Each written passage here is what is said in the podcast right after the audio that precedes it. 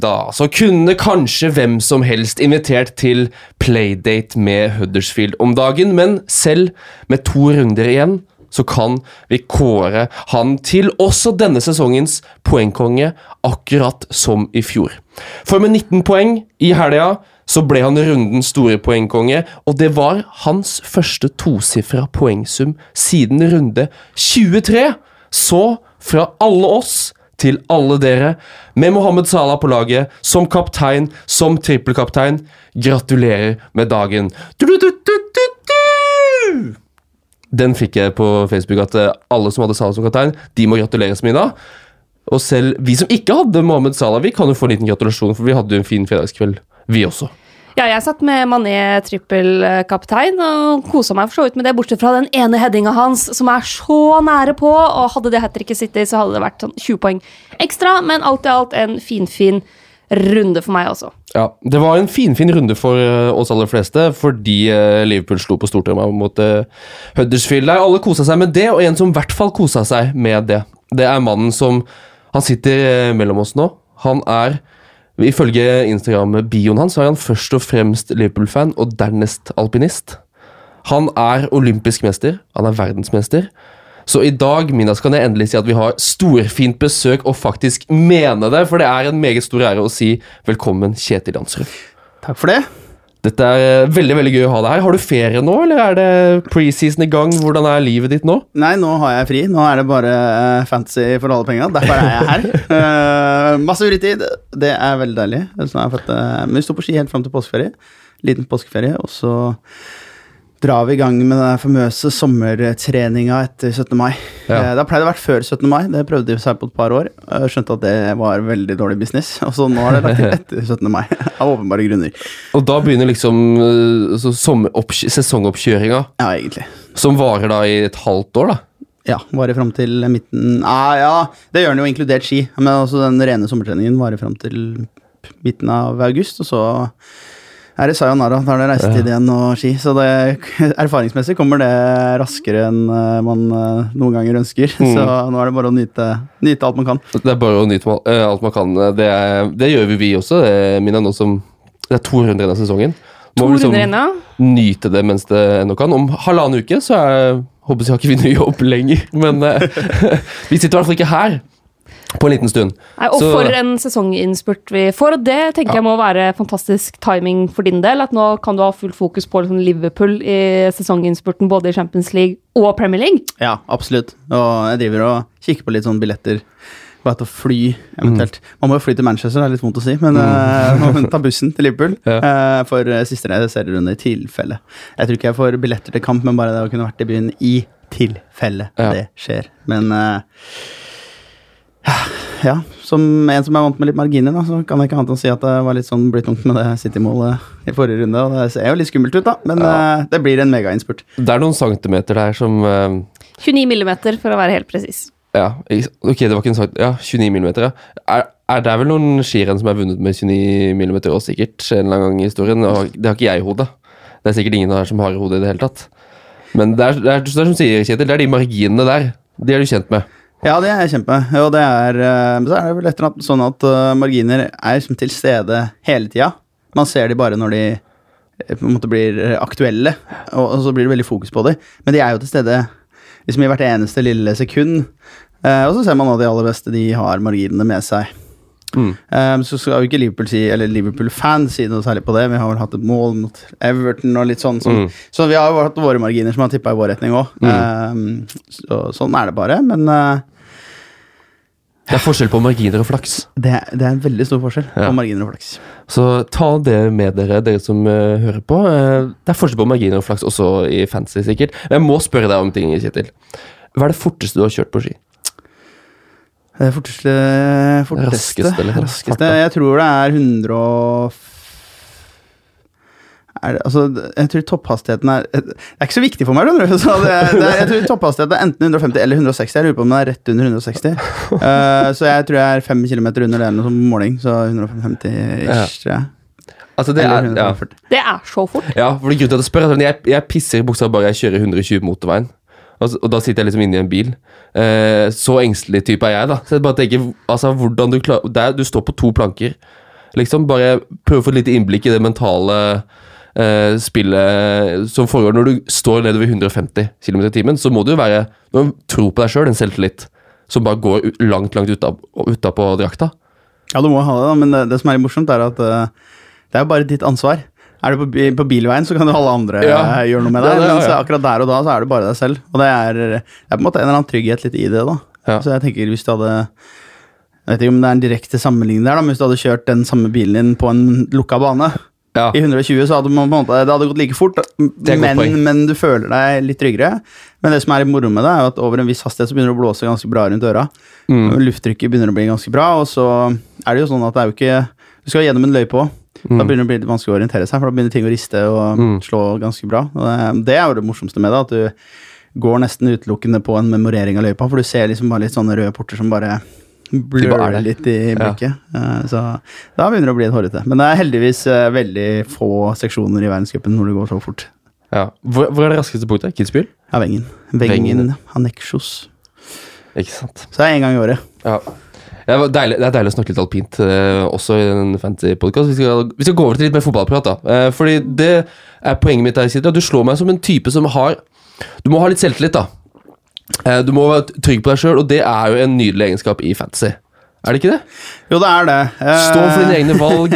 Tviler aldri. Full kontroll. Jeg er en sånn fyr som bytter Jeg gjør byttene mine dagen etter runden er ferdig, ja. Sånn Ikke redd for skader, Nei, ikke redd for noen ting. Jeg er bare keen på å få solgt før liksom price drop eller price Ja. increase. Ikke sant? Så, Så du er ikke sånn som gidder å vente nå på at liksom, eh, Liverpool og Tottenham er ferdig med Champions League denne uka? Chelsea og Arsenal Europa League. Det gidder ikke du å vente på? Nei, jeg har gjort mine bytter. Ja? Så det er jo fryktelig idiotisk. Og det vet jeg jo òg, men så blir jeg så Jeg er litt impulsiv av meg òg, da. Så når jeg da sitter der og ser runden, så på en måte føler jeg den, der, den kunnskapen for meg som ikke sitter liksom åpen med Excel-ark og har liksom alle statsa foran meg, så er Fancy f- Jeg pekte på deg nå, Premier, ja, Fantasy Premier League er litt sånn magefølelse. Eh, og da når den, der, den, føles, den kunnskapen føles litt ut som ferskvare. Ja. Ja, Nå disse her, her, her ser jeg et eller annet i den kappen her. Mm. Han er i megaform. Han skal jeg ha. Mm. Så du bruker det jeg pleier å kalle øyetesten. Eh, Ja. Så du ser kampene og tar beslutninger basert på det du liksom sjøl Ja, legge merke til. yes. Og så har jeg 20 års erfaring med å vite at det ikke er riktig. Da. Så det er jo litt sånn herlig ironisk at det er den fella jeg går i uansett. Men sånn er det med oss alle. Vi lærer aldri. Uh, vi lærer aldri. Uh, så da, er du en romantiker, eller er du en analytiker i, i din fantasy-taktikk? Jeg er skikkelig romantiker, Ja. egentlig. Det er tre Ja. Liverpool-spillere til all Nei, jeg, men ikke, ikke så mye romantiker. For det, så kynisk er jeg at jeg har ikke noe problem med å se at eh, United skal spille en veldig interessant kamp neste runde. Jeg har ikke noe problem med å ta inn United-spillere på mitt lag, men, men det er der. Altså, det er ikke noe sånn Jeg går ikke inn i selve materien annet enn at jeg vet at dette der Mm. Hvis det skal snus, så må det være en sånn kamp, så nå smeller vi det inn. Mm. Og gjerne på mandag. Mm. Men er du sånn overtroisk at du ikke kan ha City-kaptein nå de siste rundene fordi du er eh, Liverpool-supporter, eller er det også bare rein kynisme? Nei, det er bare kynisme. Jeg har sånn, Jeg skal ikke snakke så mye om alpint, men akkurat der er, finnes det jo en del uh, utøvere som har lykkebokseshortser og lykke dit og Ja, lykke datt. Og, um, altså lykke boksershortser, for eksempel. Sånne ting ja, er jo veldig, veldig Samme Koster mye krefter. sånn. Ja, Ja. det koster jo veldig mye krefter, fordi hvis eh, ting må flyte på en viss eh, måte i livet, så er det jo det er veldig lite som skal vippe deg av pinnen. da. Ja. Så jeg har bare tatt sånn valg om at jeg ikke skal ha noen ting som, som jeg må gjøre. Ja. For eh, hvis det da ikke går, så går jo alt i grus. Ja. Da, å lete etter grunner for hvorfor det ikke funker, det, det gjør det vanskelig. Så jeg eh, har ikke noe problem med å kjøre en Citykamp, men jeg har jo trua på at eh, det er andre, andre spillere der ute som kommer til å bite mye fra seg. Mm. Jeg, jeg bare skjønner allerede at, det- at du Kjetil har en sånn annen mental st- sted, tilstedeværelse enn det vi har, Mina.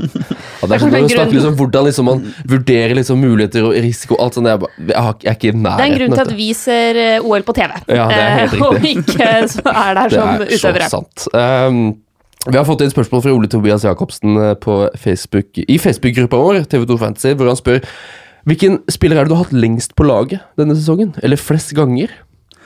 Eh, første halvdel skille. Første halvdel var det Sala. Uh, Og så Litt fordi eh, Man venta jo på den gule ballen. Selvfølgelig, med han. og så gikk den tida, og så begynte og så kom følte jeg på en måte Det gikk noen bra kamper, og så klarte jeg ikke å kvitte meg med ham. Og det ser man jo i slutten, at det burde jeg jo Jeg burde bare beholdt den, sånn totalt sett. Men, eh, men Så det var Salah, og så etter det så har det vært eh, Mané, egentlig. mm. Eh, så jeg har fått en del gode runder med han. Men det er de to spillerne som har figurert, så litt romantisk oppi det hele har jeg vært. Ja. Men med god grunn, da. Altså, det er jo lett å være Liverpool-supporter som spiller med hjertet på fantasy denne sesongen her. Fordi det er jo blant de gutta som har eh, tatt mest poeng, eh, og som leverer ganske stødig. Ja, og det har det vært òg. Samtidig som Jeg vet ikke om det er jeg som er liksom bortskjemt supporter, eller om, om jeg bare ikke husker riktig, men jeg følte at den angrepstrioen til Liverpool så noe mer hissig ut i fjor enn det han var i år. Så allikevel uh, toppe statistikken. Jeg vet ikke om det sier noe om, de i fjor, eller om meg nå. Ja, Det er det jeg syns er så interessant, fordi eh, jeg føler hele denne sesongen her, så vi snakker om at Salah han er for dyr. Han brenner for mange sjanser. Han, Mané er minst like god. Firmino er jo enda mer spennende, for han er så mye billigere. Altså, Det har bare vært grunner til å ikke ha Salah. Og så sitter vi her, to runder før sesongen, og eh, han kommer til å være den spilleren i år som har plukka flest poeng. Det er liksom vi, vi leter hele tiden bare etter grunn til å ikke ha han, når det bare eneste grunnen er at man må selvfølgelig ha han, for det er han som plukker flest poeng. Han har 249 poeng nå hittil. Han hadde over 300 i fjor. Unnskyld. Eh, 300 i fjor hadde han, og da var det som ny rekord. Og det var liksom, ok, han kommer til å koste 15 millioner. Eh, så ender han opp med å koste 13, og så syns folk det fortsatt er for dyrt. Men han er jo verdt hver eneste penny av det Akkurat nå. akkurat nå. Han har hatt noen runder hvor han kanskje ikke har vært det, hvor det har vært like greit å ha. Men hadde du hatt Salah fra start til nå, så hadde du hatt den spilleren med flest poeng. Eh, det er liksom ikke uten å komme utenom. Så eh, det er jo ikke bare Salah som har levert, det er jo også Mané har vært, eh, har jo vært bedre i år enn i fjor sånn på mål og assist, vel? Eller tar jeg grundig feil nå? Hva sa du? At? Mané har hatt bedre mål og assist i år enn i fjor? Eller denne sesongen enn forrige sesong? Ja. Ja, det tror jeg.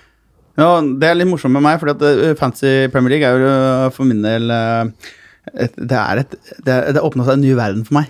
Ja. Dette her er min første sesong i Fantasy Premier League, Oh. og det er så gøy. Og jeg, Det har bare vært gøy? Ja, det har bare vært gøy, og det har bare tatt altfor mye tid.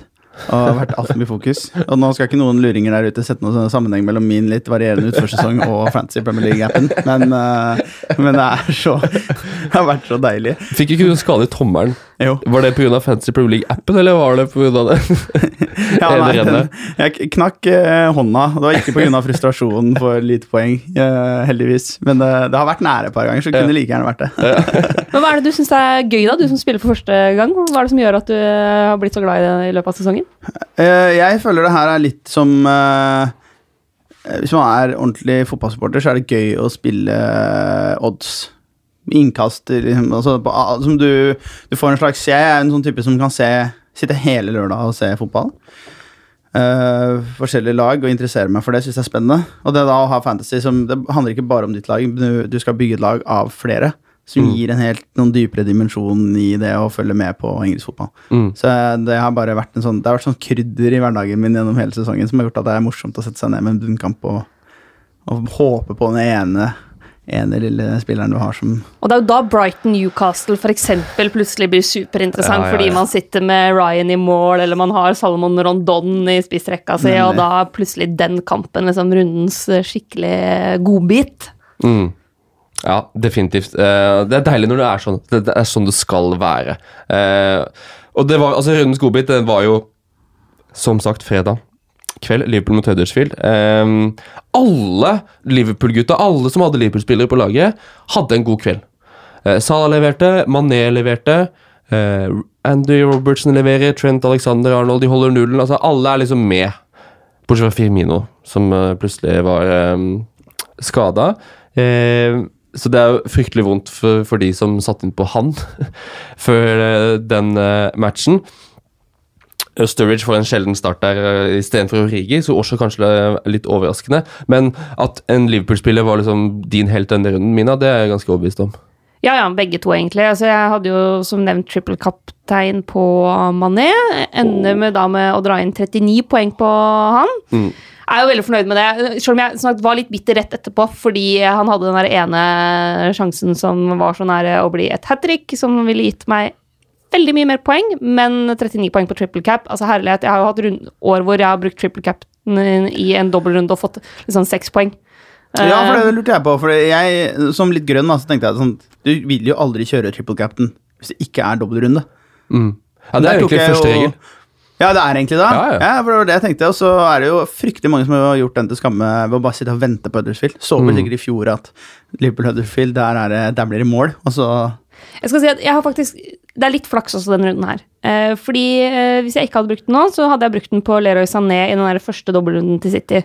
Eh, hvor jo han hadde vært den spilleren som hadde plukka mest poeng i de siste rundene for eh, City. Mm. Men så blei jeg litt for usikker på om han kom til å starte begge, eh, fordi den rotasjonskarusellen i eh, Manchester City er vanskelig å spå, så jeg turte ikke Jeg hadde han som kaptein, men jeg turte ikke å kjøre trippel kaptein på han. Det var jo veldig bra, sånn sett i Ja. etterkant, fordi han fikk jo ingen poeng, omtrent.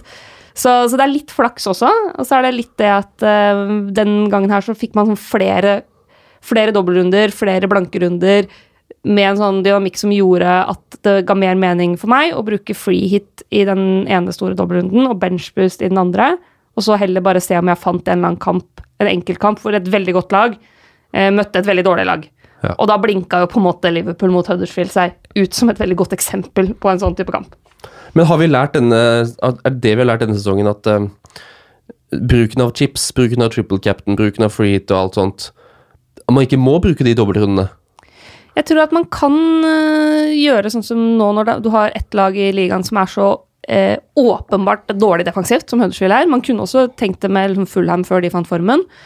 Eh, og så tror jeg også at hvis man skal bruke triple captain på spill, spiller fra de gode lagene i dobbeltrundene, mm. så bør man ha sånne spillere som man veit er megabankers, altså type Eden Hazard, Harry Kane, de spillerne som du veit starter to kamper selv når de kommer veldig, veldig tett, eventuelt Jamie Vardy, eh, Jimenez, altså de eh, gutta fra de litt mindre lagene som ikke har like stor konkurranse mot seg, sånn at du er temmelig sikker på at du i hvert fall får liksom to ganger 70 minutter Mm. på dem. Fordi når du, du brukte benchboost i 35, Ja. eh, free i 32, så jeg regner med at du er veldig fornøyd med hvordan du har brukt disse chipsene dine. Ja, i hvert fall ålreit. Ja, du har i hvert fall fått poeng på det i forhold til meg, for jeg har kasta bort alt. Altså, Jeg har ødelagt hele sesongen min pga. de chipsene. Uh, hadde du ikke triple cap nå, da hadde jeg rundet 31 på Sala. Får seks poeng totalt på det. Kjempegøy.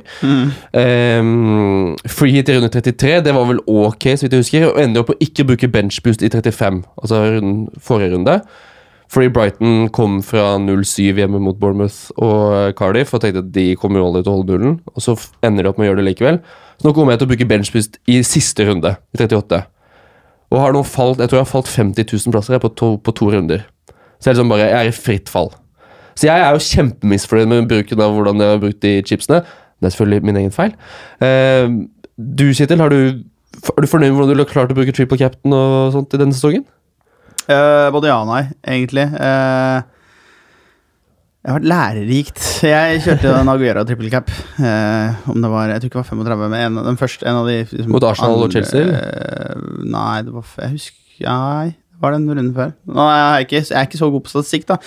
Jeg snakka litt om magefølelse, så da husker du ikke så mye heller. Men, eh, men det slo bra første kamp.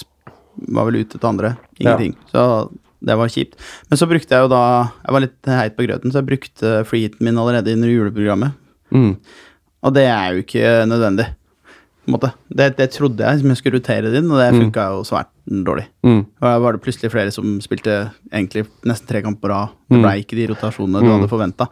Så øh, jeg tenker at uh, dette blir morsommere å bruke de chipsa litt senere i sesongen når ting har satt seg ordentlig. Du Mm. ser litt hvem som er på vei til å rykke ned, og ser litt øh, Altså, det, det er jo mange lag som må, Mm. eh, når det begynner å skje litt interessante ting på slutten. Og da er det litt lettere å plukke, tror jeg. Mm. Det er i hvert fall min umiddelbare sånn newbie-lærdom.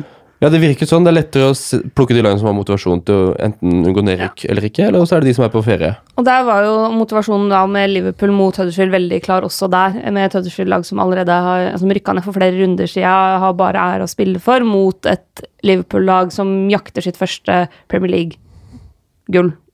Basically. Altså siden det ble hetende Premier League. Mm. Så, så der var jo på en måte den motivasjonsfaktoren også inne. Men så ser vi også at det er et par av de laga som eh, vi i utgangspunktet tenkte at ja, de har ikke så mye å spille for, som biter ganske godt fra seg i denne runden her. Altså Leicester, da. For eksempel, som gruser eh, Arsenal. Du har uh, Burnley, som er veldig nære på å få med seg poeng mot Manchester City. Uh, du har Westham, som slår uh, Spurs. Så det er jo en del av de lagene som på en måte ikke er i fare for å rykke ned, Mm. som likevel Mm. leverer godt. Mm. Ja, de leverer godt. Typisk at ingen av de var på mitt lag denne runden. Jeg får 72 poeng denne runden her. Med minus 4, så er den på 68, så jeg er under average. Og egentlig å få 72 poeng eller 68 poeng er jeg egentlig veldig fornøyd med. Egentlig en god poengscore, men jeg følte alle var over 100 denne runden her. Så jeg, jeg begynner å bli litt lei, jeg. Jeg, jeg begynner å bli klar for, uh, for ferie. Vi, har, uh, vi Liverpool-supportere kjenner jo til det der neste års begrepet. Ja, det, er, eh, sånn, det, blir, det, blir, det blir sånn nå. Uff, Hvor mye poeng fikk du, Kjetil? Jeg eh, kom meg akkurat opp på 90. Nei, ikke sant. 90 blank. Godt hjulpet av eh, Jeg cappa Mané. Det var ikke trippelcapen. Eh, så jeg har funnet en liten Det som vi snakka om tidligere. Altså, jeg hadde litt sånn eh, differentials i mål i starten, og det følte jeg gikk dårlig. Så det blei å plukke, plukke Ederson, egentlig. Og Mm. hatt de siste fire-fem rundene. Det Mm. har betalt seg ganske bra. Mm. Uh, Chad Van Bissaka ganske mange runder, som nå faktisk mot slutten har begynt å bli ja. veldig veldig bra. Eh, så er det Wilson, da. Wilson og Frazier putta innpå. Oi, oi, oi. Mm. Tok en liten hit, putta det på. Var Denne runden her, det er, det er sterkt. Ja, fra forrige Ja, runde. forrige runde. Ja, ja, ja, Ja, eller det er den runden som var nå. Men jeg hadde jo også forrige runde. Da var det jo ikke så Ja. bra. Men uh, jeg tenkte at uh, Hva, hva var det som fikk deg til å velge Bournemouth-spillere da? Fordi de er jo veldig uforutsigbare, syns jeg. Ja, nei, dette er ren magefølelse. Jeg bare Det er et eller annet i den komboen Frazier Wilson som er litt sånn sexy. Som er litt sånn ja. ser, altså, Jeg bare tenker De var fryktelig sterke i starten. Så litt under radaren igjen. Mm, og litt så skader. skader. Skjer det? Så tenkte jeg så Nei, de gutta, nei, det der, det der de er for gode, rett og slett. Mm. Til at uh, det ikke kommer noe klikk-klakk uh, mot slutten. Så, så var det litt, uh, litt budsjett oppi det hele. De er Mm. jo billige. For mye for penga, da, tenkte jeg. Mm. definitivt. Det betalte seg. Hazard har ikke betalt seg. Han er også. Og så er det egentlig med en av mine som, som Jimenez, da, som jeg føler kanskje må, må vel være noe av de bedre kjøpene på Ja. Fantasy i løpet av hele sesongen, egentlig. Har hatt litt sånn ut og inn i løpet av hele Voldsomt underprisa. Er 5,5 kosta han i starten. Ja, og det er jo alltid litt sånn spennende med nyopprykka lag. eh, at eh, det er vanskelig å prissette de spillerne. Eh, det er vanskelig å vite hvem som klarer å ta steget fra championship til Premier League. Men Jimenez er jo en av de som virkelig har klart det, og var altfor billig i starten. Kommer til å være mye dyrere neste sesong, men de som kjøpte han tidlig, har jo tjent inn enormt på det, altså. Mm. Ja, Wolves har vært en, eh, et veldig veldig fint tilskudd til eh, ligaen. Eh, vi skal hoppe litt videre. Vi har, okay, vi har hatt en fin runde alle sammen. Eh, men det er altså noen i dette landet her som er altså så vanvittig gode i fantasy. Altså Nordmenn generelt tror jeg er rimelig bra. Jeg så våre venner i Fantasyrådet. må få lov til å nevne de. de. Den ligaen de har, er den femte beste ligaen i verden og den beste i Norge. Så vi bare gratulerer til dere. Det er jo Og andelen nordmenn som ligger i liksom, eh, topp 100 000, topp Mm. 10 000, er helt enorm, altså. Ja, så det er veldig kult å se. Ehm, Så fikk vi også en melding på Twitter denne uka fra Thomas Edøy, som skriver at fra Solskjærs hjemby så har jeg sneket meg oppover på listene i Fantasy. Er i dag Norges nummer én og fem totalt i verden. Dette var altså 28. april. Og så skriver han, altså noe som jeg ikke tror et fnugg på, takker dere for gode råd i podkasten deres. Jeg er fast lytter. To tøffe runder igjen, kan vi ikke bare runde av nå? Jo, Thomas, det kan vi. Eh, veldig veldig hyggelig at eh, han syns det kommer noen gode råd herfra. Det hadde jeg ikke trodd. Men eh, du treffer kanskje en gang iblant, Amina. Gjør så godt jeg kan. Gjør så godt. Gratulerer så mye, Thomas. Håper du holder hele veien inn. At eh, Hvis du blir Norges, eh, Norges beste fancy-spiller denne sesongen, så er det ganske, det er ganske imponerende. Jeg, skal, jeg må finne ut av hvor mye poeng han faktisk har. eh, for å finne ut av hvor langt bak vi er, eh, Thomas. La oss se 2467 poeng, ja. Har han Idet vi spiller inn dette, da. Så ja, nummer fem i verden. Spilte triple cap'n denne runden på Sala, selvfølgelig. Så det er noen som kan det. Det er godt å se. Um, jeg tenkte at vi skulle snakke litt om Med perspektiv at det er to runder igjen av sesongen, så har vi ikke mange byttene igjen. Og dette har vi egentlig sagt eh, i tidligere podkaster også. Men gå gjennom lagdelene, forsvar, eh, midtbane, spisser. Er det noen som utmerker seg? Er det noen som måtte, er verdt eh, sjansen? Som Kjetil har nevnt Frazier Wilson allerede. Det er to gode alternativer som kanskje går litt i glemmeboksen nå som vi bare eh, snakker om eh, Southampton og Liverpool-spillere, kanskje. For det er de som ligger i hver sin ende av tabellen og har mye å spille for. Ehm, og der har vi fått inn eh, gode spørsmål fra dere som hører på. Vi, eh, før vi starter med forsvarsrekka, så tenker jeg keeperplass. Som du var inne på det, Kjetil, at du gambla litt i starten. Hvis man Altså, nå er det to runder igjen. Hvem, hvilken keeper skal du på en måte sitte med for at det skal være verdt å bytte han ut? Det, jeg kommer ikke på noen. Nei, det å bruke, bruke opp et bytte på keeper nå syns jeg er ekstravagant. Eh, Da skal man sitte veldig godt i det ellers, eh, tenker jeg. Ja. Og, og da, da skal du liksom være kjempefornøyd med hele laget ditt. Ja, for altså, til og med Sergio Rico, altså Fulham-keeperen, var den keeperen som plukka flest poeng denne runden, og Fulham er nede og alt. Så det kan egentlig komme poeng hvor som helst fra de keeperne, tenker jeg. Ehm, så keepere hopper vi litt over. Det tror jeg ikke Vi finner, vi finner ikke så mye vettugt å si der. Men Markus van der Haakonsen, kult navn og har et kult spørsmål. Han lurer på om vi kan stole på Manchester United i de siste to kampene, og i så fall hvem fra Solskjærs, hvem av Solskjærs menn man bør gå for. Nå har vi akkurat sett Liverpool nedsable Huddersfield. Nå er det United sin tur til å møte Huddersfield. Bør vi nå ha tre United-spillere? Ja, det må gå, tenker jeg. Altså, hvis det ikke går Jeg kan si mye om, eh, i hvert fall som Liverpool-supporter, mye om Solskjær og fokus rundt det i media osv. Men Og bitter? ikke, Ja, litt bitter. Jo, ikke biter. Men eh, en Luke Shaw Mm. Når du ser bekkene få lov til å herje mot Huddersfield Han er Mm. ikke stort dårligere, altså. Han har vært uh, en av Uniteds beste spillere i år, kanskje. Mm. Eh, der kan det lukte poeng, mener jeg, da. Ja, definitivt. Så at de holder nullen, ja. Er det noe verdt å putte på noen andre? Nei. Eh, Kommer Solskjær til å rotere inn litt spennende ting mot et lag som Huddersfield? Ja, det tror jeg kanskje. Det er som åpent for at han ikke trenger å liksom være så veldig mye redd for samhandlingen forsvarsmessig der, selv om det har lekket litt i det siste, så tror jeg kanskje at eh, det er på tide å sette folk offensivt. Og da må jo Luke Shaw være inne og kunne, Mm. kunne gjøre noe interessant. Ja, han er en av de forsvarsspillerne jeg syns er mest spennende i avslutninga her. Um, som sagt, når du ser hva Beckner får til mot Liverpool, så er det veldig, veldig fristende. Um, han koster altså ikke mer enn fem blank. Og det er jo han vi vil ha hvis man skal ha noe defensivt fra United. Nå er de jo nære på å holde nullen mot Chelsea i helga. Eh, der er det en fryktelig retur fra David Hea som eh, serverer eh, på sølvfat. Men altså, Shaw er den av United-spillerne som har mest offensivt potensial, vil jeg påstå. Altså, du har selvfølgelig Ashley Young også, men, men han, ikke, han frister ikke for min del. Altså. Han er altfor dyr Mm. synes jeg. 5,7. Eh, det er mye større, altså større sjanse for gule kort Ja. pga. spillestil. Og ja, nei, så det er Luke Shaw der jeg syns er eh, interessant. Mm. Eh, han har eh, fem forsøk på assist på de siste seks rundene. Det er ikke sånn kjempebra, men det er heller ikke veldig dårlig. Det er litt sånn midt på treet. Eh, til sammenligning så har for eksempel Alexander Arnold har 13, Ja. eh, og Luca Din har 11. Men mot Huddersfield og Cardiff, Mm. ja, potensialet der. Ja, definitivt. Han får åtte poeng mot Chelsea i helga for den assisten. Han ender opp med å få tre bonuspoeng. Så Da kan kanskje det si mer om alle de andre som spilte den matchen.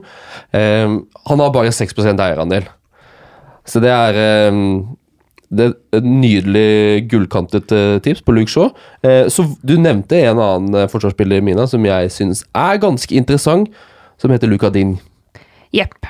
For eh, Everton eh, snakker vi mye om mot eh, Liverpool-supporterens hjerte her, men eh, Everton har altså hatt clean sheet i syv, altså holdt nullen, i syv av sine siste ni Premier League-kamper, og i hver av de siste fire kampene på Goodison Park. Det er tall fra Oppda. Og de Everton også har måte funnet tilbake til sånn som vi liker og kjenner Everton. Lukadin koster da 5,3. Han vet vi jo kan levere mål og assist og clean sheet i en og samme match. Kan det plutselig komme et rødt kort. Det fikk vi erfare i juleprogrammet. Men har jo da 22 poeng på sine to siste kamper. Og han har, slår flere innlegg enn eh, Robertson, og har flere forsøk på assist enn Robertson siste seks kamper. Altså Han er på andreplass på både totalt antall innlegg eh, og totalt eh, liksom, forsøk på assist. I tillegg til at han har ganske gode tall på ballgjenvinninger, klareringer, brudd, de tinga der som er med på å telle positivt i bonuspoengsystemet. Mm. Ja, ja, for det, det tenker jeg det kan være spennende de siste rundene, da, med mye kan det være, kan jo også bli en del kjedelige kamper òg. Man er jo veldig positiv, men plutselig så sitter man her, og det er mye 0-0, og det er Ja. mye kjipt. Det er jo de bonuspoengene ganske mye verdt. Få noen spillere som er offensive, og som skaper mye, mye av sjanser, og på en måte er innafor det poengsystemet. Mm. Sånn at eh, de kan dra med seg. Får du For mange av de du ser etter eh, tre bonuspoeng, så er det poeng å ta med seg. Ja. Men så tenker jeg en ting, da. De møter jo uh, Burnley, da. Som nå liksom er safe. Ja. Plutselig så er det bare Vet du hva?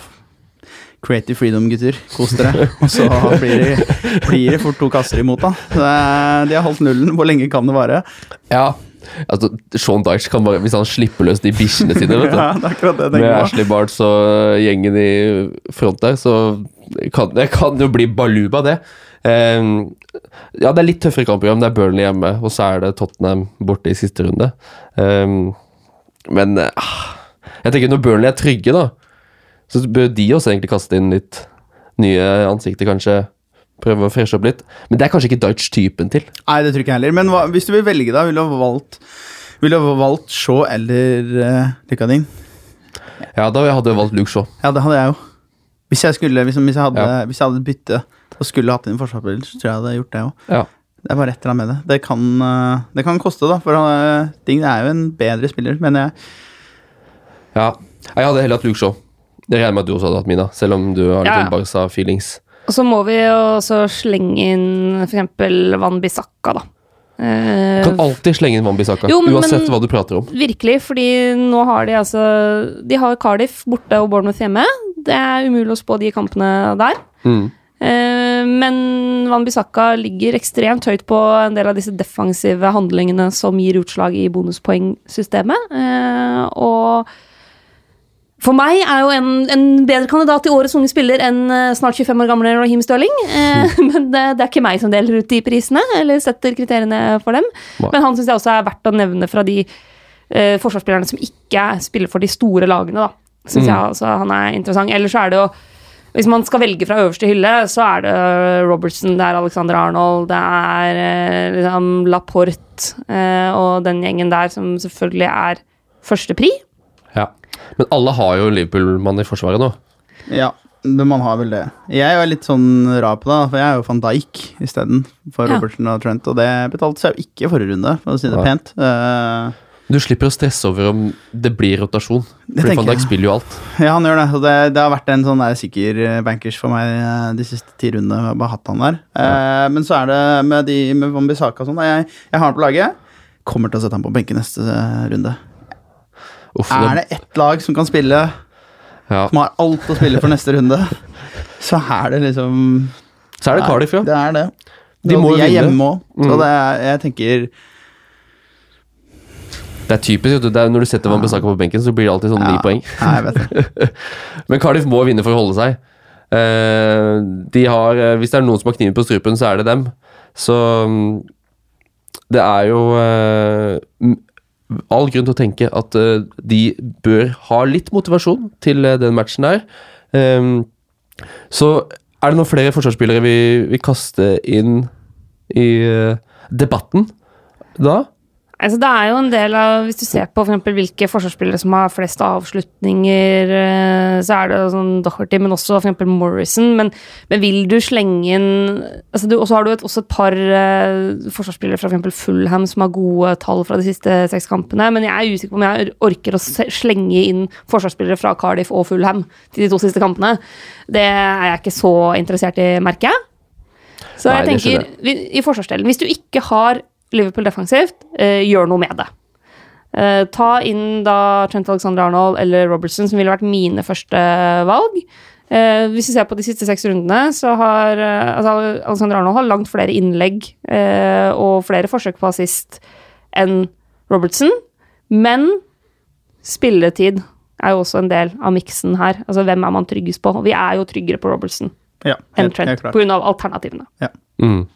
Eller van Dijk hvis du bare vil være klinksikker. Men Robertson er såpass trygg i det laget der at uh, han gir, mye, gir på en måte den samme tryggheten. Kommer ikke Trent Alexander Arnold til å bli hvilt nå mot Newcastle? Mellom de to Champions League-matchene Liverpool har nå? Det tror jeg. At litt rotasjon mot Newcastle der, det må Klopp uh, gjøre. Ja, det blir spennende. Jeg er veldig usikker. Jeg er litt sånn, prøver å sette meg i skoene hans. Uh, den er ikke lett. Hva, er- hva skal man velge her nå? Begge ting er like viktig. Du kan liksom ikke Du kan liksom ikke ta Du må jo bare ha de tre poengene mot Newcastle i tilfelle Selvfølgelig, men det kan, det kan altså Trent Alexander har strengt tatt blitt kledd av litt i Champions League i år, da, mener jeg. Har hatt, uh, blitt kledd av noen kamper og også vært fryktelig sterk i andre. Så spørsmålet er om han Man får starte Premier League, men også man setter inn noe mer rutine mot uh, f.eks. Barca. Så kommer det kanskje litt an på resultatet i den første kampen også, for da veit man jo litt sånn det er klart, hvis, eh, hvis det er jevnt, eller hvis Liverpool eh, leder fra første oppgjøret, så er det jo én ting. Hvis Barcelona bare Hvis, hvis Messi har dagen eh, og plutselig eh, lager show, og man ser at eh, den veien tilbake er eh, lang og tung, så kan det være at man bare tenker ok, all in Premier League. mm. Ja, eller at du tenker at her må vi ha alt vi har av offensiv kraft for returkamp. Og da spiller han i hvert fall returkampen, og da er det nærliggende å tro at han kanskje blir hvilt uh, i helga før. Mm. For eksempel. Det blir veldig mye visst om at det dersom at det, eh, fordi vi ikke har sett eh, den første matchen mellom Liverpool og Barcelona ennå. Så til eh, den spillet så kan vi bare sitte her og spekulere. Så blir det bare, blir bare deilig å se uansett. Ja, For de som ikke har gjort byttene sine, så er dette veldig spennende. Eh, jeg må slenge inn eh, Jonathan eh, Otto fra Wolverhampton i forsvarspraten. Eller bare Wolverhampton-forsvarsspillere. Nå har de Fulham nå. Eh, til 37, og så får man bare bite i at det kommer en, en bortetur til Anfield i siste runde. Men Wolverhampton også er fine spillere, uansett i hvilken lagdel man ser etter. Um, det samme gjelder jo på midtbanen. Diogo Yota. Jeg bare starter der. Um, for jeg regner med at vi kommer til å ende opp til å snakke om Stirling Sala og alt sånt eh, etter hvert. Men Diogo Jota, hvis det er sånn man skal si det, så er det en, eh, har jeg en liten stat her på at 80% av hans skåringer for Wolverhampton har kommet på hjemmebane. Dette er i alle turneringer. Så eh, i sine siste åtte kamper hjemme på Molyneux så har han syv skåringer. Han eh, var en av de vi snakka om før sesongen, som var vi hadde kjempehøye forventninger til. Kom fra championship med nydelige tall og veldig bra målsnitt. Og så var det iskaldt i hele høst. Og så plutselig nå i vår så ser vi at eh, ja, den gutten han kan spille litt eh, fotball eh, likevel. Og igjen leverte en strålende runde allerede nå i helga. Han ligger på prislappen 6,3. Har eh, ni skåringer, åtte assist denne sesongen. Meget godkjent til den prisen. Ja, definitivt. Og fine tall også. Altså, han har eh, På de siste seks kampene så har han eh, fjerde flest skudd innenfor boksen, eller avslutninger innenfor boksen. Én mer enn Sadio Mané. Ja, ikke sant. Så han leverer ganske jevnt gode tall på både Kommer seg til sjanser, eh, kommer seg til avslutninger. Altså, alle avslutningene hans de siste seks kampene er innenfor boksen. Mm. Så er problemet at det er ikke så mange av dem som er på mål. Mm. Eh, Men han kommer seg ofte til avslutninger i boks, og det er jo alltid Det det gir jo et kick når du sitter og ser kamp, og eier en sånn type spiller som du ser at hele tida kommer seg til gode muligheter i boksen. Han er jo en sånn enorm for å spille litt football manager på fritida også. Så er, var det jo store forventninger til Wolves, rett og slett. I, hvert fall for meg. Jeg hadde jo laget fullt av Wolves da jeg begynte sesongen. Synes jeg det var helt spennende. Så han er jo en meget spennende spiller. Og så er det jo kanskje noe romantisk med å ha de, la de få en siste runde da før de ikke er Wolverhampton-spillere lenger til neste år. Ja, det er akkurat det. Hvor mange er som sitter igjen der, det er uh et godt spørsmål. Men hjemme mot Fulham så er jo Jota Han er en av de du kan bruke et bytte på nå. Og jeg at du kommer til å drite i den der 38-runden mot Liverpool. Jeg tror han, han vil gi deg eh, de poengene for to runder da, mot til Fulham eh, på hjemmebane. Tror jeg. Tror Jeg er veldig spant. Tenker du at det er litt sånn differential å tenke på her spillere fra lag som altså Nå har Wolves sluttet å kjempe for, for, for så vidt eh, mye, men, eh, men spillere som er keen på å bli solgt. Som er bare keen på å herje. Ja, sånn. Mares, liksom, Ja, liksom, liksom, i ja. Leicester der. Ja, jeg hadde jo Mares hele den våren hvor han egentlig ville bort. Og var, han var jo helt enorm. Mm. Eh, så jeg tror det er noe i det, ja. Det tror jeg. Men hvor reell den derre Sjansen for at Jota og halve Wolverhampton ender opp med å forlate klubben etter sesongen, det vet jeg ikke. Om det er, om de, om det, om det er en stor motivasjon for dem. Men det, om det er en greie, det er jeg ganske sikker på. Det er jo det. Men Shota er, jeg har bare lyst på han fordi han er en rimelig midtbanespiller. Som, han spiller jo spiss sammen med Jiminez. Og måte, de to ha et partnerskap som bare ser ut til å funke i all evighet. Ja, og eh, det Wolverhampton-laget der, eh, som skal bare Dette er jo et eventyr for dem, sant? De har rykka opp eh, sammen. Eh, nå er det sånn eh, innafor rekkevidde å ta den sjuendeplassen. De leder eh, med tre poeng på Leicester. Det vil være en enorm bragd å gå rett fra championship til en sjuendeplass i Premier League, så der tenker jeg at motivasjonen er på topp på alle mulige måter. Eh, og så er det en sånn joker som jeg også bare skal kaste inn når jeg sitter og ser på tallene mine her fra de siste seks rundene, og det er faktisk Redmond jo, men ok, koster 5,4. Ja. Uh, og det, altså alle Southampton-spillerne er jo forholdsvis billige. Uh, nå har de Westham og Huddersfield igjen. Redmond ligger på topp fem både på totale antall avslutninger og på skudd på mål. På de siste seks kampene. Mm. Det syns jeg er ganske interessant. Så jeg bare slenger ut en liten joker der. ja. Skal jeg slenge ut en eh, liten joker selv, da, som, eh, som dere kan få lov til å maltraktere, både de som hører på, og dere to. uh, Martial. Ja. Ikke noe stats å se her nå, men en litt sånn magefølelse om at uh, At det er der det smeller. Har det? Ja. Altså, hvis du ser på, hvis du ser på kampene, så er det jo, får du lyst på Marcial. Uh, jeg håper Da kan du nesten si Alexis Sanchez òg. Som Ja, joker. egentlig. Nei, Sånn nei, nei. egentlig. Jo men, jo, men det mener jeg. Fordi du, det er, Sånn er det i United nå. Du kan, du kan plukke opp hvem som helst, og så er alle egentlig en joker. Alle er egentlig en mulighet, men du, du er ikke trygg på noen av dem. Sånn føler jeg. Jeg føler det som med Pogba. Jeg er ikke trygg i det hele tatt på at selv Huddersfield og Cardiff på motsatt banehalvdel vil være nok til at de vil plukke mye poeng. Jeg, jeg, jeg så en eller annen video, jeg vet ikke hvor jeg så den, og hvem som har sett den, men jeg så hvert fall, det var noen som hadde vært på Old Trafford i helga og filma Marcial under oppvarming. Han rikka seg ikke en meter. Å, det er ikke bra for meg. Han sto bare og triksa. Du har Og de andre, spillerne, de andre spillerne løp rundt, og alt sånt, men han sto helt rolig. Det er derfor jeg får så lite poeng i fantasy. Det her gir veldig mening med meg. For Ja, nå. fordi det er ikke en joker du kaster ut, det er en mann du har satt inn på laget, som du vil ha back på. Jeg, jeg, jeg, helt riktig. Allerede. Jeg tenkte, vet du hva han, jeg, fikk et litt sånn uh,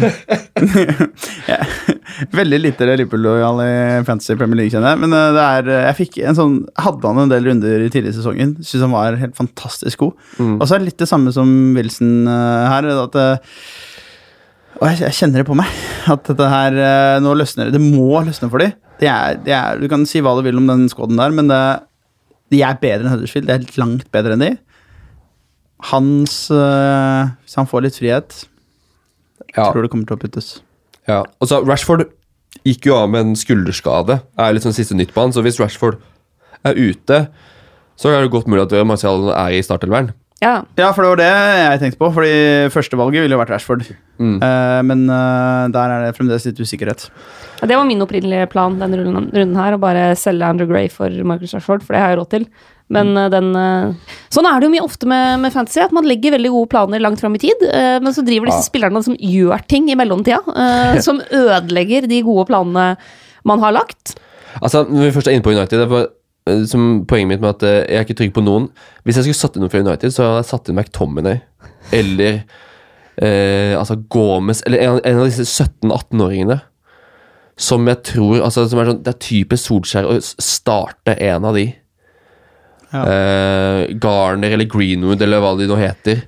Um, så bare, for, for, de, de skal selvfølgelig få være med, ikke sant? De skal, det er United Way. Det er det Kommer ikke til å starte på. dem så lenge de fortsatt har en teoretisk mulighet til Champions League-plass. Nei. Men det går an å si Ja. Det er jo kjempeskummelt da å se den Huddersfield-matchen uten å liksom ha satt inn noen United-spillere. Det er jo grusomt. Ja, det, det må du ikke gjøre, tenker jeg. da Det er i hvert fall min eh, Nå snakker jeg som en ekspert her, men det er jeg ikke. Men jeg, det, var, det var min umiddelbare ja, Det var min umiddelbare tanke, i hvert fall. Du kan ikke la den kampen. De er Og jeg tror ikke det bare Jeg tror selvfølgelig ønsker Ruddersfield å bevise at er, vi er dårlige, men se på oss, vi kan kjempe. Jeg tror Mm. det bare det er ikke kvalitet nok til å gjøre det. da Så jeg, eh, det, det tror jeg bare kommer til å fortsette med to strake tap til, og så dundrer rett ned. Og da er det for, det er for sexy, altså, til å ikke ha United-spillere. ja jeg ser jo den. Um, jeg klarer ikke å se hvem jeg skal ha på. Jeg, da. Er, det no, er det noen stats på noen United-gutter Mina, som, du, som kan overbevise meg her? Så jeg sitter og blar litt, men de, de har en tendens til å liksom ikke være på førstesida i statsdokumentet mitt. Ja. Uh, og det er jo ikke et veldig, veldig godt For det er. Excel, så det er liksom det er ikke flere sider. det, du bare fortsetter. Uh, altså Pogba er, har tolv forsøk på assist de siste seks kampene. Um, han uh, Er det liksom det beste har hatt har? to sjanser. Eh, han har uh, Han har expected goals på 2,3 og har scora to, uh, men han har elleve avslutninger, eh, tre av dem på mål. Ja. Sammenligna med f.eks. Christian Eriksen, som har 24 avslutninger, seks av dem på mål. Men da har vi litt motstander også. Ja. Gjennom noen tøffe kamper. Mm. eh, mye på spill. De har feila. Ja. De må på en måte opp på hesten litt igjen. Ja. Nå har de muligheten til det. Ja. Ja, jeg, jeg tok jo ut Pogba um, rett før han skåra på de to straffene. Mhm. Selvfølgelig, fordi jeg er jo god på det her. Eh, så jeg har ikke tenkt å sette han inn i det hele tatt. Ja, det er, det er, altså Jeg han, for, han, for meg så blir det for Jeg orker ikke å Jeg må ta ut hånden min sånn, da. For å sette inn eh, Pogba. Det har ikke jeg lyst til. Selv om Pogba møter Huddersfield og Cardiff.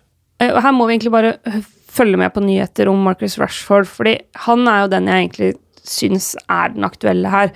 Eh, Lukaku er for vanskelig å få inn, for han koster 10,7, så da må du liksom enten ha veldig mye penger i banken, eller så må du ta, ta minus fire, eller liksom selge hvis du har Aguero, eksempel, og det er jo ikke veldig fristende å gjøre det heller, så lenge City eh, ligger i front. eh, og en del av de andre også som er altså Du har sånn altså Lingard er ikke trygg på han. Pogba, ja, kanskje, men Nei, vet du hva, hvis ikke Rashford blir Men selv Rashford, altså, han, han har jo bare ett mål på siste ni. Men Det er jo ikke i form. den farta der mot Ja, Huddersfield den- Tror du Huddersfield kommer til å ligge lavt? Ja, men da får du back. Greier. Så Lukaku sånn sett kan jo være en type spiss som faktisk kan levere bra i den kampen her, men samtidig er det kanskje den, en av de spillerne på fantasy jeg liker minst, Lukaku. Er en sånn okay. type som burde bare putte og putte og putte, putte, og så har du sett på han, og så har du bare følt at her er det jo Ja. er det jo ingen hjemme nå. Og så ser du han i VM, og så er han plutselig bare verdens beste spiss. Ja, det er, så, det er frustrerende. Så av den grunnen så bare Jeg kan ikke ha den. For det, det bare blir så, man blir så sint av å se på noen ganger. Ja. Jeg ser på laget mitt nå, jeg kommer ikke til å få inn noen offensive United-spillere. Jeg har, ikke, jeg har ikke muligheten til det. Nei, eh, jeg vurderer Pogba hvis vi ikke får gode skadenyheter om eh, Rashford. Ja. Eh, det er tryggest på spilletid. Tar Ja. straffer. Men du er på Martial, du, Kjetil. Det er, Jeg er Pogba òg. og Pogba. Ja, Ikke sant? Oi, det er vakkert, det. Det er noen går all in på eh, at Huddersfield fortsatt er ferdig. Um, vi Hong-Min Son må vi snakke litt grann om. Han uh, suspenderte Champions League, så han spilte jo imot Westham, men det var jo nesten ingen som så. For uh, der ble det ikke så mye. Men nå skal de møte Bournemouth. Og det er Tottenham ganske glad i. For eh, de, har, de snitter altså på 3,1 skåring per kamp mot Bournemouth. Det er så det laget de skårer mest mot. Det er det laget de er mest glad i å møte. Eh, og det samme gjelder Son. Han har fem mål på sin siste fire kamp mot Bournemouth. og skal nå ikke spille mot Ajax. Kommer da til å spille mot Bournemouth. Eh, Kapteinsalternativ, eh, nesten? Eller er han en som bare Hvis ikke man har Son fra før, så må han inn? Hva tenker du, Kjetil? Nei, jeg tenker jo at jeg blir redd for mine Bournemouth-gutter på laget med en gang. Jeg, den statsen der er jo stygg. Uh, men uh, av Tottenham-spillere, hvis du skal ha en Eriksen eller Altså, Son. Ja, definitivt. Ja. Så uh, Du har jo begge mine, både Son og Eriksen. Jeg har begge to. Eh, Så får vi se om jeg har begge to også når fristen eh, går ut til eh, helga, eller om det skal Du vurderer å bytte ut en? grep der. Jeg, må, jeg må se litt. Sånn mine opprinnelige planer har jo røket ut vinduet eh, med Rashford-skade og litt sånne ting. Men i utgangspunktet så, så tenker jeg at vi får se et Tottenham som sannsynligvis klarer å slå tilbake. Mm. Eh, I det jeg tror blir en morsom kamp, som fort kan by på ganske mange mål. Christian Eriksen sitter jeg jo ganske trygt med fordi han, han er så trygg i det laget der. Eh, han kommer jo garantert til å spille i kveld, Ja. så det er jo lite sånn risiko på at han kan pådra seg noen skader eller et eller annet der. Men det er ganske interessant hvis du ser Kristian Eriksen de siste kampene, så ligger han Altså han er, på, han har nest flest avslutninger de siste seks kampene. ja. 24. Det er bare Mohammed Salah som har flere. ja. Så er problemet at ganske mange av dem går utafor, da. Det er bare seks av de som går på mål. Uh, men har noe kremmerhus iblant, da. ja. Men jeg tenker at eh, da må vi, i hvert fall det vi har snakka om eh, nå, da eh, Sånn som du sier, Everton vinner. Um, så vil jo de plutselig være kanskje i miksen da for en europacupplass i worst case. Da vil jo Tottenham møte i siste runde Ja. hjemme. Ja. Så eh, jeg vet ikke om det da kan ryke på Altså det kan være bra denne kampen, og så blir det en Blir det tyngre i siste serierunde? Det kan det definitivt bli, men samtidig så er altså Sånn som med Christian Eriksen, eksempel. Eh, se på det han har levert i det siste. Han er helt i toppen på forsøk på, på assist eh, foran Gylvi Sigurdsson, som jo også Ja. er en eh, interessant mann inn i denne miksen. Så i utgangspunktet så tenker jeg å holde på Tottenham-gutta. Eh, jeg er fortsatt enig i at hvis jeg skulle tatt inn én av dem, så ville jeg tatt inn Hong Son og prioritert han. ja. Det ville jeg gjort. Helt enig. Helt enig. Um, det, er, det er merkverdig hvordan Tottenham Det føles som de er, så, de er helt ute av form, men så har de på en måte ligger an til å ha sin beste sesong på lang, lang, lang lang tid. Um, Semifinale Champions League, og de har den tredjeplassen fordi ingen andre gidder å ta den. Så ehm, Sånn sett, de, har, de ser ikke ut som de har noen ting å spille for, nesten, fordi de ser litt avslått ut, men eh, de har så definitivt det, så da holder på min sånn i lagene, i hvert fall mitt. Um, Kan, eh, kan det hende Tottenham rullerer litt i Premier League for å Ajax liksom, er, det er det, fryktelig da. overkommelig, da. Så, så, så, så Son spiller jo garantert. Er det helt garantert at alle andre gjør det, eller at man har fullstendig fokus på det som skal skje i Champions League? altså, bekkene er jo roterer Pochettino. Ja. Holde seg unna Tottenham-bekker. Så Trippier er jo dessverre off limits. Uh, han, han spiller jo annenhver kamp. Um, så har de jo en del problemer på midten. Jeg tror det er derfor ikke Pochettino har rotert så mye. På, jeg, tror han vil, jeg tror han vil egentlig hvile Eriksen og alle mer enn han har gjort, fordi eh, nå har Wings uh, måttet operere, Sissoko er ute med skade. Eh, det er liksom og Wanyama er de to han har, og Dyro akkurat Begge to er vel ganske nylig tilbake fra skade. Så hadde han hatt større fleksibilitet på midten her, også med Lamela, som ikke er frisk, så hadde han rotert mye mer. Mm. Men han har, han har ikke bredden til det, fordi han, det er for mye skader der. Og Kane, selvfølgelig, som også er skada. Da, da har han de gutta han må bare spille hele tida, da. Um, men vi har tidligere snakka om Lucas Mora som en sånn gamble-joker. Skal vi bare la han seile sin egen sjø? Han er jo sik mer sikker nå enn tidligere, av åpenbare grunner. Eh, og Fernando, Fernando Llorente har på en måte ikke Altså, jeg skjønner jo at Porcetino kvier seg for å starte han. Eh, og da er, skal han trikse eller mikse litt med de han har tilgjengelig. Eh, så ja, jeg kommer ikke til å ta inn eh, Lucas Mora, men jeg forstår de som tenker på han som en mer interessant joker enn Jorente. Ja. Og så får vi se da hvor mye han roterer mot Bournemouth. Jeg tror ikke han gjør det. Blir ikke så mye. Det tror jeg ikke, altså. Um, fordi han har ikke bredden til det, så vidt jeg kan se. Men uh, jeg er ikke mye jeg ser heller, da. Um, Salah, Stirling, Mané, Hazard, hele den debatten der. eh, skal vi Er det liksom Er det er det, det jeg tenker på, er Nå sitter jeg, jeg sitter med Mané og Stirling, da. Og Hazard. Så jeg, har liksom, jeg føler jeg er veldig godt skodd der. Og tenk på alle som måtte sitte med Sali, disse store, dyreste spillerne på midten. Er det vits å hoppe fram, fram og tilbake nå for, mellom f.eks. Salah Mané til Stirling? Altså mellom Liverpool og City nå? Der tror jeg du er, ligger ganske bra. Bare stå med de man har, egentlig.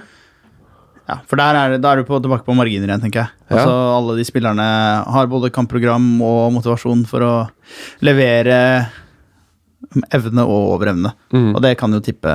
Det kan Mm. bli en Stirling, det kan bli, det kan bli en Salah. Det vet vi ikke ennå. Mm. Helt enig. Så da ville jeg ikke brukt et bytte på det, egentlig. Der Nei. tror jeg det, det er ingen gode grunner, sånn som jeg ser i hvert fall, for, eh, for å gjøre det. Nei, det, det, det er akkurat det jeg ikke ser, jeg heller. Eh, både Liverpool har fin, eh, fine kamper, City har fine kamper. Eh, Chelsea har også fine kamper. Eh, samme gjelder for så vidt Tottenham òg. Så, sånn sett så kan du kanskje si da at City Men tror ikke de Leicester nå, stemmer stemmer det? Mm, Stemmer. Det kan jo Der er det ikke nødvendigvis sikkert at det blir så lett. Nei, det er hjemme på Etiad, da. Ja. Jeg sliter med å se Altså Greit at Jamie Vardy er glad i å møte toppklubber, altså, og er i kjempeform. Det er greit, men City hjemme på Etiad med hard tabelltopp og har de millimeterne på sin side det, du klar, det skal mye til før du tar det, altså. Men vi må snakke litt om Remi Vardy. Ja. Han faktisk. Fordi eh, han er den åpenbare formkongen i, når, når jeg sitter med mine tall for de siste seks rundene, altså. Eh, på både Altså, han er blant de spillerne som avslutter mest. Eh, han er den spilleren som har flest avslutninger innafor boksen. Og han er også den spilleren som har flest avslutninger på mål. Eh, han har skåra seks mål, han har expected goals på 5,6, så det er ganske jevnt sånn sett. Og han har da eh, kommet seg til ni store sjanser, like mange som eh, Callum Wilson. Det er de to som ligger helt på toppen der. Så det er ikke bare det at det er ikke liksom tilfeldigheter som gjør at uh, Vardy har levert såpass bra i det siste. Han har også tallene som backer det, da. Mm. Så Jamie Vardy i eh, form. Eh, eneste problemet for min del med Jamie Vardy er at han har en litt vanskelig pris, 9 millioner. Det er sånn, det er, det, er et, det er veldig få spillere du kan bare bytte direkte. Hvis man sitter med Firmino, Lacassette, så er det en mulighet, men ellers så kreves det ofte hit eller at du har mye penger i banken. Og så er det jo det at i de to resterende kampene så er det Manchester City og Chelsea. Er, det kommer an på hvor høy tro du har på han eh, mot toppklubber, da. For det sånn sportslig sett, det å være i form handler jo om eh, selvfølgelig litt eh, flyt og sånn, men det handler litt om fysikk òg, for Mm. de gutta her. Og han har jo åpenbart nå funnet en eller annen flyt hvor han da kanskje har fått litt farten inne og fått litt kontroll på touchen og sånt, og det, det er ikke noe som nødvendigvis trenger å bli borte bare sånn Mm. med en gang. Mm. Han har spilt seg litt i form. Så jeg har litt troa, da. Ja, men Tror du da at den formen hans er så god at da scorer han mot City og Chelsea også? Ja, Han er jo ikke alene utpå der, da. Det er det som er litt problemet. Ja. Så Men Er formen så god, liksom? Men så har han jo fått eh, to nye lekekamerater i Madison og Tillemans, som jeg syns at jeg synes de bidrar til å gjøre Vardy også bedre. Eh, og, og Madison også har jo liksom gode Han ligger helt i toppen på forsøk på assister osv. osv. Så, videre. eh, så ja, men jeg vil jo heller ha Jamie Vardy i siste runde mot Chelsea Ja. enn mot Manchester City. Ja, det er jeg for så vidt enig i. Jeg tror han har større muligheter der. Uh, men så er det jo Jeg tror nok det avhenger hvis du har ha han at noen av forsvarsspillerne til City ikke er på jobb. Ja. Da kan det bli veldig morsomt. Men uh, hvis de er det, hvis alle gutta er på, så blir det vanskelig. Ja. For City har vært bunnsolide defensivt uh, siden nyttår, egentlig. Ehm, så det at Jamie ja, Jamie Vardy er glad i å møte toppklubber, det er, liksom, det, er, det er ikke bare noe vi sier. fordi det finner jeg opp til sier at fra han debuterte i 2014-2015-sesongen, så har han skåret mer mål mot topp seks-klubber enn noen andre spillere i ligaen. Han har 31 mål mot dem. Så det er en greie. Han elsker det mer enn å møte noen andre. Um, Men jeg klarer ikke å se at den formen hans er så god. At Leicester som lag er gode nok til å stå imot og kunne gi Jamie Vardy gode nok muligheter mot spesielt City i første, i nå til helga, eller på mandag kveld, som de spiller, til at Vardy får med seg noe derfra. Så da blir det eventuelt i siste runde, ja. Som en sånn lite pønt. Ja, selvfølgelig, som jeg tror at uh, City har jo ikke råd til uavgjort. Nei. Så de har jo ikke råd til å ligge der og kontrollere ball og kose seg. De må jo er de jo fryktelig gode, da, men på en måte, jeg tror nok eh, Vardy kommer til å få noe rom. Mm. En tidligmanns Vardy, Madison altså det, det vil bli en sjanse eller to. Ja. Hvis han er i god form, så eh, tror jeg nok Vardy fort kan putte. At de vinner kampen, derimot, det er det mindre sannsynlighet for. Men uh, det, er ikke, det er absolutt et meget spennende valg. Det er det definitivt. Hva sier du, Mina? Ville du satt han inn før møtet med City og Chelsea? Eh, ikke på mitt lag, men det er fordi det krever at jeg enten selger Aguero eller tar minus fire. Ja. Jeg som har Lacassette, da. Burde jeg ta sant? burde, men burde jeg ta en, burde jeg ta, altså, burde jeg ta en hit? Burde jeg ta en minus fire for han? Når eh, Arsenal skal møte høye Brighton kort, altså? på hjemmebane Ikke sant? Det gir jo ikke mening. Nei, det gjør Nei, ikke det det. gjør ikke det. Det gjør faktisk ikke det. Vi stemmer nei. Men hvis det ikke hadde vært et hit ja, men, For det er sikkert eh, noen som sitter i den uh, båten der. Nei, altså Arsenal mot Brighton det, det kan fort være kampen de virkelig slår tilbake. Vi vet at de er bedre på hjemmebane enn på bortebane. Markant bedre på hjemmebane enn på bortebane. Ja. Så du vektlegger kampprogram foran form, og du sier derfor Lacassette. Det er det du sier. Ja, kampprogram pluss eh, ja, den kampen om den fjerdeplassen. Mm. Ja. Altså, kan du sette inn på Jamie Ward uten å ta et hit, så tror jeg jeg hadde gjort det. Men da, jeg, tror, jeg, jeg tror faktisk du må gjøre det. Det er litt romantisk òg, da. I Ja. hvert fall som, som Ja, i hvert fall som Liverpool-supporter. Liverpool-supporter. så er jo det Det gjør det spennende. Hvis du har lyst til å legge hele ditt hjerte og hele din sjel i det, så gjør du det. um, Bare ta kjapt noen av billiggutta som uh, også har gode tall fra de siste kampene. Eh, Callum Wilson, selvfølgelig, som uh, vi har vært innom allerede. Mitrovic skyter som vanlig som bare rakkeren, blant de som har flest avslutninger. Shane Long har klart å snike seg og oppover eh, på listene, hvis vi ser på han fortsatt spiller fotball i Premier League og scorer mål. er blant de som har hatt flest store sjanser i den eh, perioden eh, vi har lagt bak oss nå. Eh, Chris Wood eh, er heller ikke helt eh, ute eh, på de tallene han har, levert. Og også da en av de som har hatt flest avslutninger, og flest avslutninger innafor boksen i det siste, har vært Calvert Lewin. Ja. Så da gidder jeg ikke nevne som Jimenez, som selvfølgelig også er inne i denne miksen, for han har jo folk fra før av. Så det finnes også noen sånne billige jokere du kan gamble Ja. på. Men er det sånn Shane Long, Huddersfield, siste kamp, Koster 4,6. 4,6? Det må jo være, en, eh, det må være interessant. Eller? ja. Altså, jeg vurderte jo å ta han inn eh, til denne runden her. Eh, Jeg snakka deg fra det, jo. Stemmer det? Eller, ikke skyld på meg for den. den Nei, altså Hadde du satt inn Shane så hadde du, hadde, du hadde gjort det hvis du hadde lyst.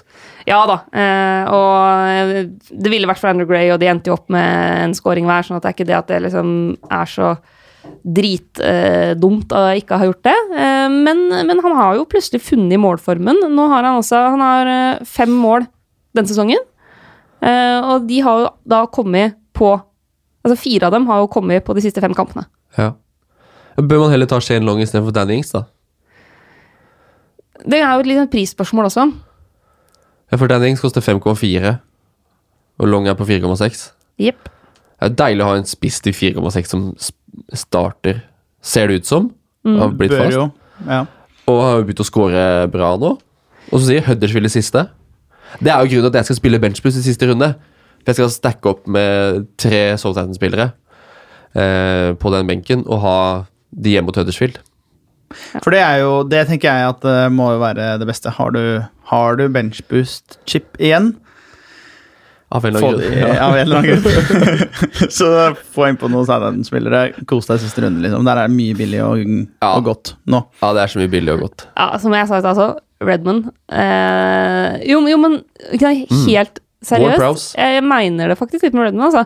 Jeg så på når det kommer til å ha skapt eh, store sjanser, så er det bare Frazier og Kevin De Bruyne som har eh, skapt flere store sjanser Mm. i den eh, sekskampersperioden. Så Frazier er jo også et eh, good call da, fra de som hev inn han for et par runder siden.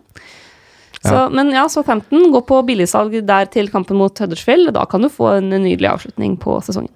Ja. Jeg satt Jorente jeg, for runde. Jeg skjønner ikke hvorfor jeg gjorde det. altså. Jeg trodde han skulle spille, men det gjorde han ikke. Burde hørt på meg. Eh, det er mye jeg burde gjort her i livet. Jeg er i fritt fall på rankingen, og det syns jo når det er Jorente som er liksom eh, den gambelen jeg tok på topp der. Eh, vi har eh, som på Nå som Kane er skada, uh, Lacassette og Aubameyang er liksom bare uh, vanskelig å forstå seg på. Selv om Aubameyang eh, ha- snuser fortsatt på den toppskårertittelen. Det er jo helt sykt til å være nesten litt sånn andrevalg rotasjonsutsatt. Det var det som er litt sånn rart, for at uh, når, når de henta han, så var folk sånn der Ja, han kommer til å bøtte inn mål. Og så føler jeg jeg har ikke sett han. Men så har han fremdeles 19 skåringer. er Ja. han Altså, sånn, han har jo det. Ja, guttene har bøtta inn mål. Ja, ja. Han har bøtta inn hele tida, han. Eh, og Lacassette også har, hatt en, har, har jo hatt en god sesong. Um, og Vi sa at Arsenal skal møte Brighton. Det er jo egentlig en kamp vi har lyst til å kanskje ha Arsenal-spillere eh, fra, fordi vi forventer at de skal slå tilbake, men vi får ikke plass til noen av de, egentlig. Nei, og Europaligaen blir jo stadig viktigere for Arsenal ettersom de havna litt bakpå i kampen om topp fire. De møter Valencia på torsdag hjemme.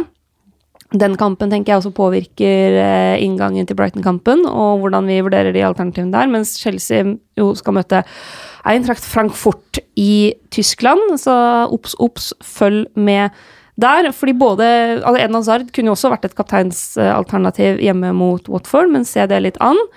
Eh, ellers så er jo altså Aguero på hjemmebane Ja. mot Leicester i en eh, avgjørende kamp man må vinne. Der har han vært sterk før, Ja. som vi alle husker. Så uh, Aguero Han har 15 ja. skåringer på hjemmebane i ligaen denne sesongen. Det er bare i 2011-2012 han hadde flere på Etihad, og da hadde han 16. Han koser seg hjemme, altså. Eller så mener jeg fortsatt at eh, Liverpool-gutta er gode alternativer, sjøl om Newcastle borte kan være tøft. Men Aguero, da. Altså, man må jo ha Aguero nå. Hvis man ikke har Aguero nå, så må man nesten ta minus fire for å få han inn. Ja, det tenker jeg òg. det er, ja, Hvis du har råd til han, da. Det kommer an på om du må Da må du bare finne kan, Ja, ikke sant. Da, ta han minus 16. Men eh, det er uh, Er det en fyr som leverer de siste kampene? Som Ja. du vet kommer til å spille, som du vet Alternativene er, er liksom ikke der, føler jeg. Ikke i den prisklassen, nei. Ikke med Kane ute med skade. Uh, ja, Tottenham ser an litt Ajax-kampen eh, før man eventuelt vurderer noen av dem som kapteiner. Og så så jeg at vi hadde fått spørsmål om Jimenez som kaptein hjemme mot Fulham. Men Fulham har jo plutselig begynt å levere, de, etter at de rykka ned. Altså, nå er det tre strake seire. Ja, tenk på det. Ja, altså, jeg syns det er et veldig godt spørsmål jeg, fra Jakob Dybvik. ehm, som, er, eh, som tar oss over på kapteinspraten her. Jimenez er et godt kapteinsvalg hjemme mot Fulham. Jeg, eh, at Fulham har, ja, begynt å prestere nå, det blåser jeg, altså. Nei, Takket bare være en gammel Liverpool-spiller i Ryan Bubble. Liksom. Ja. Ja, det, men det er sjukt. Apropos ja, joker. Ja, Apropos joker, han glemte vi i stad. Ja. Eh, Han er fresh på håret, og alt er topp med han, da. Rappekan og Rappe da. Men ja, mener vi at Fulham er såpass Har de, har de løfta seg, da? Og har Babel uh, løfta seg til at man skal holde seg unna Wolverhampton og heller hente inn på Babel, da? Altså, det er, Det var det er, ymta her, Mina. det er gøy å ha Babel i de to siste kampene hvis man er i gamblehjørnet. Ja, men det kan, det, da er det bedre ting å gamble på, er det ikke det? Jo, det er jo det. Men eh, Nei, egentlig ikke hvis du først skal gamble. Ja, ja, det er en ordentlig gamble. Hvis du først skal er gamble. Men jeg er enig, altså Jimenez er på en måte Er liksom jokerkapteinen min denne runden her, hvis man skal gå for en av de litt billigere gutta. Men hvordan kan han være en jokerkaptein når han er så Han er jo- trygg og solid? Ja, det tenker jeg òg. Han, er- han er god. Han er et godt kapteinsvalg, Ja, egentlig. Også, Retten og sletten. men det blir ikke han for min del. Det blir sannsynligvis Aguero. Ja. Det Det er bra. Jeg har han som kaptein. Vi er, vi er enstemmige på den, faktisk. Er det det? Ja, Ja. jeg har han som kaptein. Det er uh, Aguero er eh, fort uh, be- de, ja.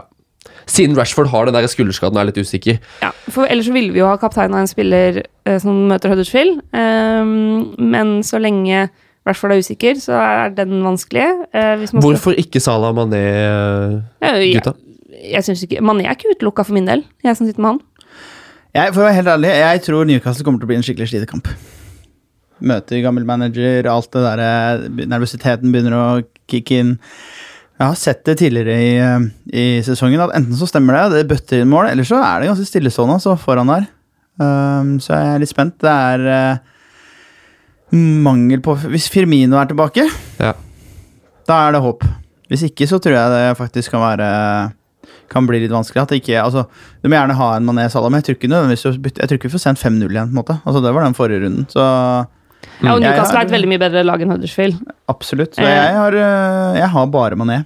Mm. Eh, Men det er egentlig litt øh, Jeg tror faktisk det finnes mer spennende kamper neste runde enn det Liverpool Og så er jeg helt enig med deg det Firmino-poenget. Eh, altså, du, du klarer deg helt fint uten Firmino mot Huddersfield, men eh, mot litt tøffere motstand, et godt organisert Newcastle-lag, så er altså eh, Både Salah og Mané er enormt mye bedre når Firmino er på banen. Veldig. Ja. Og jeg har altså mitt lag er øh, Jeg er bare van Dijk og Mané. Ellers så er det stacka med Wolverhampton og United, egentlig. Ja. Og det er jo de to lagene som har de fineste kampene på papiret denne runden. Det er vi enige om. Og så Så da blir det Vi, vi vil lande på Guro-kaptein. Så får vi se om eh, Det er som Ja, enig. Firmino jo kanskje litt ute. Det ser vi jo mot Barcelona, da. Om han spiller der, så spiller han jo mot Newcastle. Regner jeg med. Ja. Det gjør han nok. Ja. Så Dessverre så har ikke United noen gode kapteinsalternativer mot Huddersfield. Det er, det er, det er leit. Altså, du kan kapteine Pogba. Det mener jeg, mot Huddersfield. Ja, ja, ja, ja, ja tja. Jo, du, ja, du kan. Selvfølgelig. Det er mye man kan gjøre. Jeg tenker jo at det her er eh, Så Solskjær har ment de skal bygge laget rundt han. Mm. Føltes veldig bra i starten. Tok ansvar. Så har han vært litt borte. Men nå har du en motstander da, hvor uh, hvis, hvis det her skal fungere, hvis det skal være litt fruktbart, hvis det, hvis det skal skje inn mot sommer, så er jo, må jo han bare ta Hvis han ikke skal gå til Real Madrid, på en måte. Altså, Ja. hvis, hvis han ikke skal bort, hvis ikke det har skjedd ting i kulissene her som gjør at nå er Mm. ting avgjort, så er jo det Så smeller det mot uh, Huddersfield, tenker jeg da. Ja. Og da er jo han et uh, kapteinsvalg, mener jeg. Mm. Det er han. Eh, da kan vi slenge med et spørsmål fra Arne Kristiansen her helt på tampen. Trippelkaptein. Han har da den mest sannsynlig igjen. Hos Wolverhampton eller United denne runden. Må man bare satse på at Huddersfield fortsetter å være dårlige mot topplag? Hvis eh, Rashford meldes skadefri, så syns jeg Er han han- er et interessant Ja. eh, alternativ. Men er han, er han en bra nok avslutter sånn sett til å få en triple cap? Men mot Huddersfield, da. Trenger du ikke være så god avslutter. Men du ville valgt Jimenez. Nei, jeg bare om Altså, jeg er litt redd for da, for eksempel type neste runde City Brighton. For eksempel, da. Og spare triple captain til kanskje å bare City 38. maltraktere Brighton i siste runde, på en måte. Mm. Jeg vet ikke, er det, er det en tanke Ja, det er definitivt en tanke. Jeg vet at du vurderte det, Mina, før du tok Ja. den på Mané. Jeg, jeg vurderte å spare den til den Brighton-kampen, eh, men så var jeg litt utålmodig, og så tenkte jeg at eh, ja, nå bruker jeg nå.